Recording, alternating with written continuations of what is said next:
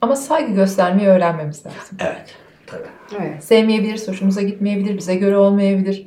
Ama Ama seni kısıtlayan şeyi görüyorsun değil mi ne kadar yani? Evet beni kısıtlayan şey halbuki benim çok da şey olduğum bir şey yani okey olduğum bir şey. Yani aslında sen diyorsun ki ben meydana düşmek istiyorum. Ya bir şeyler yapmak istiyorum diyorsun. E, ama baksana diyorum ki sen ki kazadan korkuyorsan nasıl çıkacaksın o meydana? Çok istediğin şey mümkün olmayacak demektir. Evet çok şey bir durum yani bu. Mesela şimdi ben sahneye çıkıyorum. Sahneye çıkmadan önce işte bu sefer sahneye çıkmıyor. Mesela hep sahneye çıktığımda başkalarının laflarını oynadığında başka bir şey oluyor. Kendi cümlelerinle sahneye çıktığında başka bir şey hissediyorsun. Çok fazla heyecanlanıyorsun ve çok büyük bir beğenilme kaygısıyla doluyorsun. Ya da işte başarılı olma kaygısıyla. Ve böyle sahneye çıkmadan iki üç gün önce rüyalarımda sürekli sahne başarısızlıklarıyla alakalı mücadeleler görüyorum. İşte dün gece şey oluyor. İşte ben böyle mikrofonla elimde konuşuyorum. Böyle kütüphane gibi bir yerde yapıyorum gösteriyi. İnsanlar üst kata çıkıp ders çalışıyorlar. ben de böyle diyorum ki ama beni oradan göremezsiniz. beni görün. Aynen. diyorum ki beni oradan göremezsiniz ama hani sesimi duyarsınız. Onlar da böyle böyle aldırış etmiyorlar falan. Ben böyle ama kabus tabii bu bu sırada. Kabusumsu bir şey çıkamıyorum. Sen, sen nerede çıkıyorsun? Ben Beşiktaş'ta BKM mutfakta. Mutfakta çıkıyorsun işte. Mutfakta kendinde kendinde anlatıyorsun değil mi? Tabii. Bunları anlat işte tatlım. Evet. Dünyanın en güzeli bak nasıl gülüyoruz. Çünkü çok sade. Çünkü çok insani. Hepimizin hissettiği, hepimizin yaşadığı duygular bunlar. Kimimiz sözlüğe çıkarken yaşamışızdır.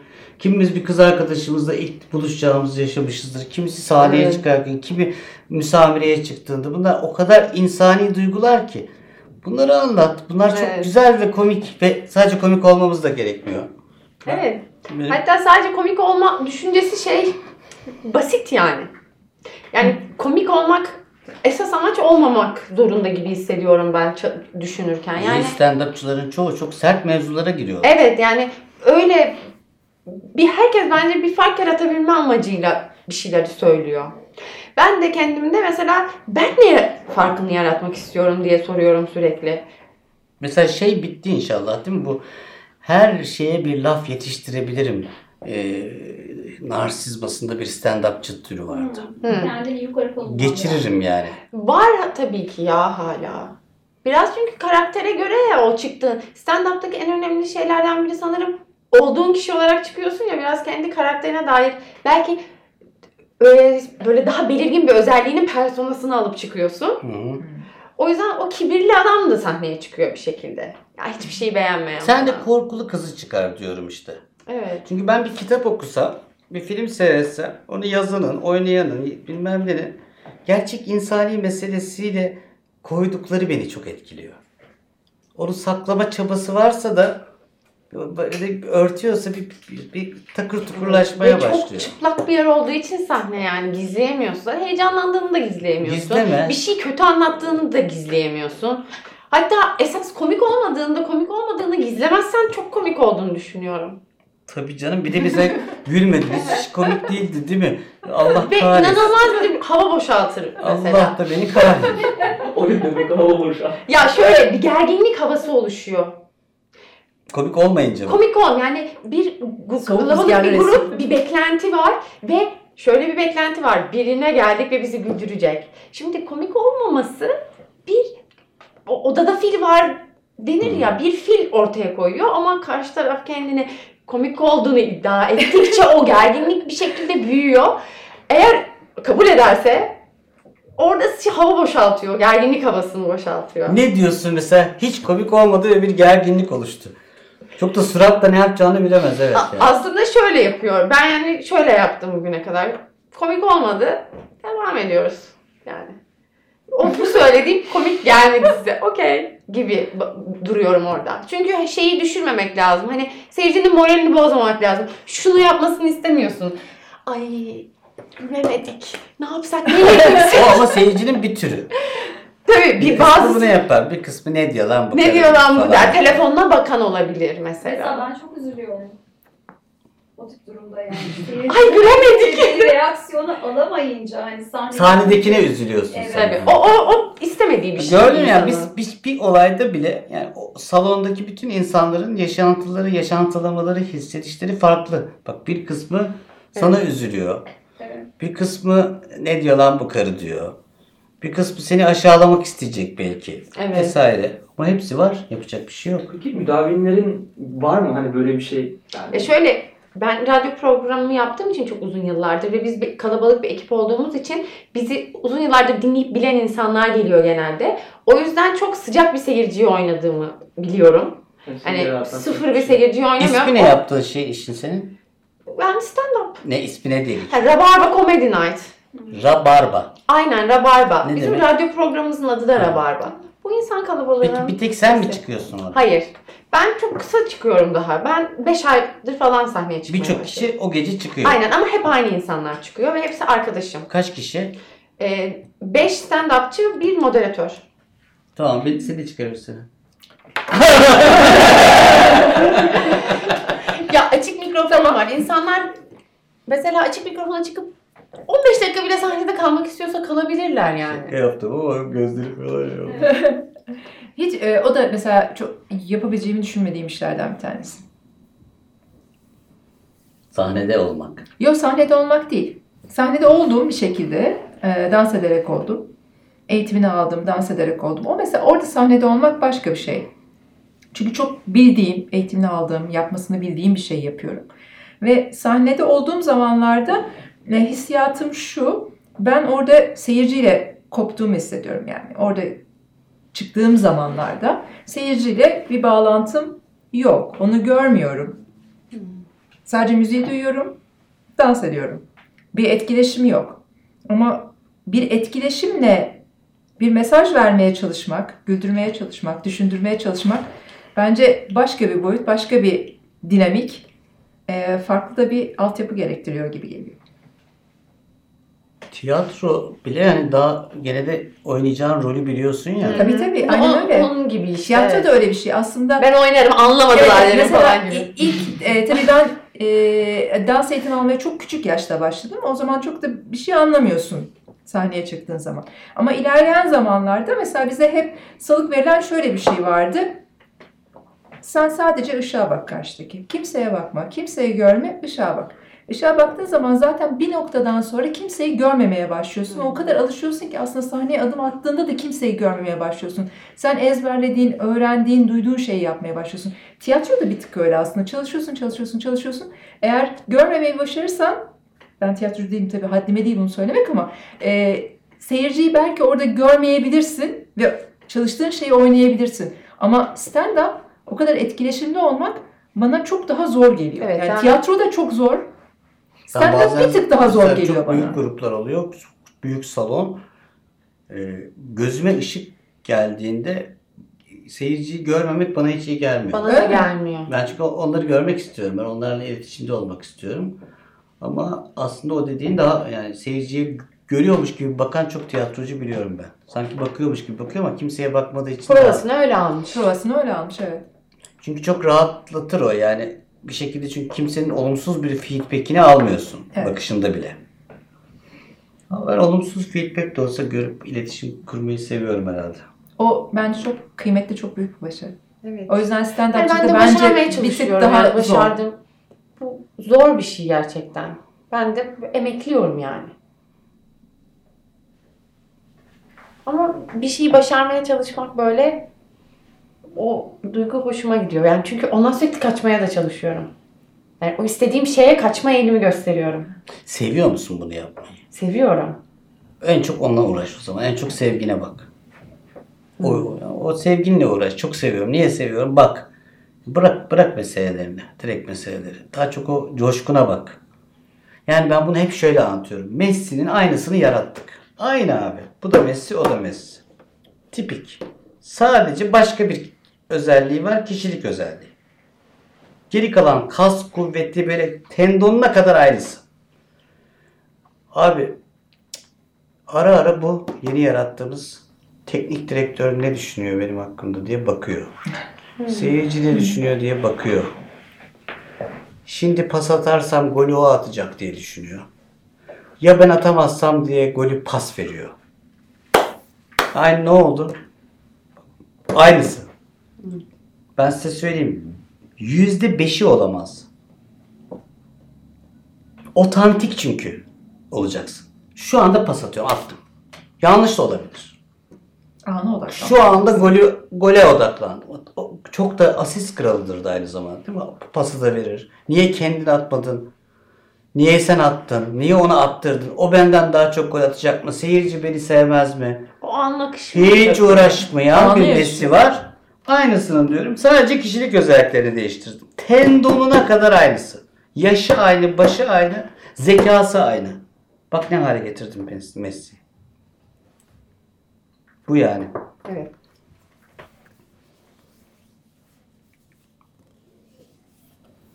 Peki bir işi yap, yapıyorsun. Elinden Adam gel. yani sevişir gibi oynuyor. Anladın mı? Sevişir gibi top oynuyor herif. Kesin. Evet, öyle, öyle severek, öyle bırakarak, öyle güzel. Hiç mi yanlış pas atamaz yani Messi? Atar. Topa basıp düşebilir? Düşebilir. Ama bunları düşünmüyor. Ben bunu bazen mesela terapist için de söylerim. Gittiniz bir terapiste çok iyi bir adam, çok iyi bir kadın. Sizinle çok ilgileniyor, çok falan ama mesela seansın sonunda şöyle soruyor. Beğendiniz mi beni? ben sana seni beğenmek için gelmedim ki. Sen işini yapsana. Sen işini yaparsan ben seni beğenirim ama senin önceliğin buysa bu işi yapma. Evet. Her meslek için koyabilirim yani bunu. Bir şey söylüyordun sözünü kestim sanki. Ya da bir yere gitti kafa. Ee, gitmedi aslında. Olumsuz bir yerden bir şey gel düşünüyorum mesela. Hani direkt olarak kendimle ilgili de düşünmüyorum. Gözlemlerimle de. Mesela kendini çok vererek bazı işleri yapan insanlar oluyor. Ama mesela o yetersiz. Ne için, kime göre yetersiz? Ee, o seviyede o işleri yapan diğer mukayese edebileceğimiz örneklerine göre yetersiz. Ama o sevgi derecesinde yapıyor bunu. Ben mesela böyle şeylere baktığımda o zaman kendimi herhalde birazcık kendimden görüyorum. Kendini çok vererek kılıç oynayan biriyim ben. Savaşçı biriyim. Kılıçla uğraşıyorum. Kendimi çok veriyorsam eksiğim olduğunu da fark ederim. Gider öğrenirim. Demek ki Hmm. kendini çok vermiyor. Ustasını bulurum. Evet. Eşek gibi çalışırım. Eve gelirim. Evde çalışırım. Messi miyim? O vuruşu 50 kere, 1000 kere, 100 bin kere çalışırım. Kendimi çok veriyorsam eksik olduğumun farkındayımdır. Demek ki kendini çok vermiyor. Amadeus filmini izlemiş miydiniz? Çok Oradaki güzel. örneği nasıl değerlendiriyorsunuz peki? O konuyu her defasında bir sonraki diyalogra attığımı biliyorum. Onu bir şuraya tahta alıp anlatacağım. diyor yani Dionizyen ve Polonyen meselesini onu gene attık çünkü yine şuraya tahta koymayı unuttuk. Ama aklımda. Yani kendini çok vermiyordur. Belki de e, hani şey deriz ya hassizce cesur insanlar vardır bazen yani. Evet. Var öyle insanlar. Başka bir. Onun onun sana kendine verişi onun cehaletindendir belki de. Hmm. Evet. Ama kendini veren Ve insan. kulak da vermiyor bu büyük ihtimalle bunu yapan. Güvenilir dillere. Yani çocuğuna çok kendini vermiş bir anne çocuğuyla ilgili bir eksik yapıyorsa farkına varmaz mı? Gidip öğrenmeye çalışmaz mı? Gönülden kendini verdiyse herhalde ne fark eder? Yani kim ne derse desin onlara kulak asmayın lafı da çok doğru bir laf değil gibime geliyor. Yani dediğini çok iyi anladığım için e, söylüyorum canım. Hani hep böyledir ya bir işte kişisel gelişim hani bizim çok da sevmediğimiz insanlar. Kimseye bakmayın falan işte örnekler veriyorlar. Ona da öyle dediler, bunu da böyle dediler falan deyip. Çok da öyle değil yani. Başkası ne der, Ama o ince şey nedir ya hani çok şey yapamadım ben. Hani kim, kim ne derse desin de yanlış bir şey. Ama onun o tam bağlamı nedir? Ama hangi alanda ne konuşuyoruz anlamadım ben. Genel olarak e, yani e, mesela senin konuştuğun konudan gelelim. İşte kendine özgüven eksikliğin varmış diye düşünelim. hı. E, ve geldiği zaman sen Bu başkalarına... laflar mesela tehlikeli. Yani mesela özgüven eksikliği varmış gibi düşünebiliyorsun ya. Işte Hayır. bu lafları ettiğimizde şimdi bunlar böyle çağın lafları ya. Hı hı. Seni eleştirmek için söylüyorum. Birdenbire o, o şeyin ana meselesin, meselenin özüne uzaklaşmaya başlıyor. Çünkü isimlendirdik onu. Hmm. Hı, sende özgüven eksikliği varmış. Dediğim an ben artık Firuze'ye ulaşamıyorum. Firuze de kendine ulaşamıyor. O, ne o? Bana bir özgüven eksikliği göstersenize doğada. Onu konuşmamız lazım. Özgüven eksikliği dediğin şeyin Firuze'de ne oluyor? Bu laflar çok onun için tehlikeli. Evet, ona yapıştırmak bir şey. Bende özgüven eksikliği var. Eh, ne işine yaradı bu bilgi? Götüme mi süreceğim ben bunu? Panik bozukluğum varmış benim. E so. Niye var abi? Anksiyete bu. Niye var? Baktık mı? Niye varmış? Özgüven eksikliği böyle. onu seviyoruz galiba. Çünkü tanımlayınca sanki mesele hallolmuş gibi mi oluyor? Hmm. Yani bir, bir bu tanımlara doğru da bir yapışma var yani. Var. Bizi halk, geri kalanlar bu konuda şey yapmamalı, zorlamamalı. Yani e, kendimizi gerçekleş yani böyle bir tanıma girdiğimiz zaman sanki bütün sorunlar hallolmuş gibi bir rahatlama içine giriyoruz. Hatta bunun gururunu da taşıyoruz. Ve sempatik geliyor biraz da değil mi karşı tarafa? Biraz o da var. Garip. İsimlendirdiğimizde tamamen meseleyi çözdüğümüzü zannediyoruz. tarifin tarifini daha evvel yaptık mı biz hiç burada? Konuştuk. Burada konuştuk mu?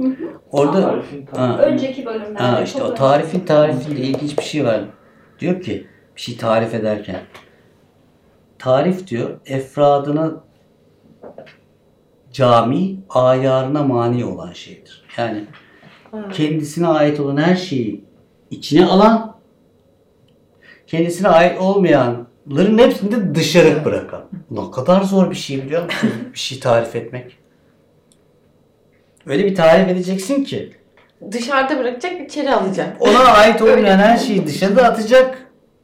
Ona ait olanların hepsini de içine alacak. Zor iş yani. Onun için birileri tarif ederken de biraz daha derinleşmeye dönük gitmemiz lazım. Şimdi mesela özgüven eksikliği. Ondan sonra beden dili öyle demiyordu. Ondan sonra Ben beden diline çok takıyorum. bir de ne vardır?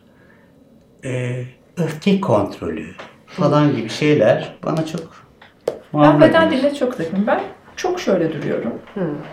Ee, ve hep şunu eleştirisini aldım. Sen kendini kapatıyorsun.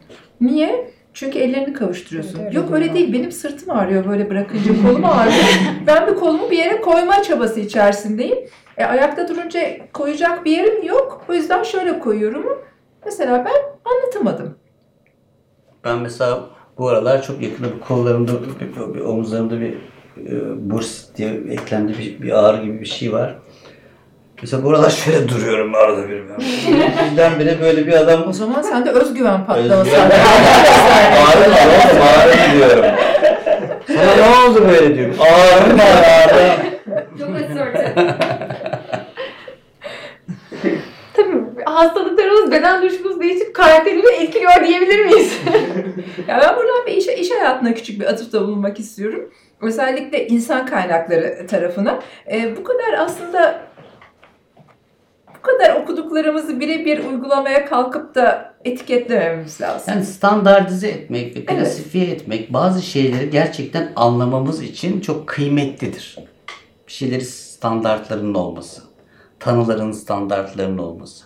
Ama şunu unutmadan, her bir bireyin biricik olduğunu unutmaksızın bunu yapmak Evet, zorundayız. kesinlikle. Biz bunları anlamak için klasifiye ediyoruz. Sonra o klasifikasyon bizim anlamamamıza yol açıyor. Bu çok kötü. Evet, kesinlikle. evet. Ornitorenk denilen hayvanı ilk buluyorlar. Getiriyorlar zoologlara, biyologlara falan filan. Ya onların baktıkları klasifikasyon içinde hiçbir yere düşmediği için zamanın büyük zoologları ve biyologları şöyle diyorlar. Siz 2-3 hayvanı birbirine dikmişsiniz. Bu gerçek olamaz. Dikmişsiniz siz bu hayvanları birbirine diyor. Çünkü hem gagası var hem memeli. Ornitorenk çok acayip bir hayvandır. Tipini de biliyor musunuz? Bilemedim. Ha bu ornitorenk çok acayiptir. Bayağı zoologlar hayır bu hayvan gerçek olamaz diyor. Yani klasifikasyonuna o kadar sağlam tutunuyor ki bu hayvan gerçek olamaz. E gerçek seni şaşırtır yani. Dolayısıyla anlamak için kullandığımız her malzeme güzel oldu bu cümle şimdi. Sıkı sıkıya tutunup ondan dışarı çıkamıyorsak anlamamamıza da yol açabilir. güzel oldu. Evet. Bu güzel oldu. Lazım. Not alalım. Her şey ama.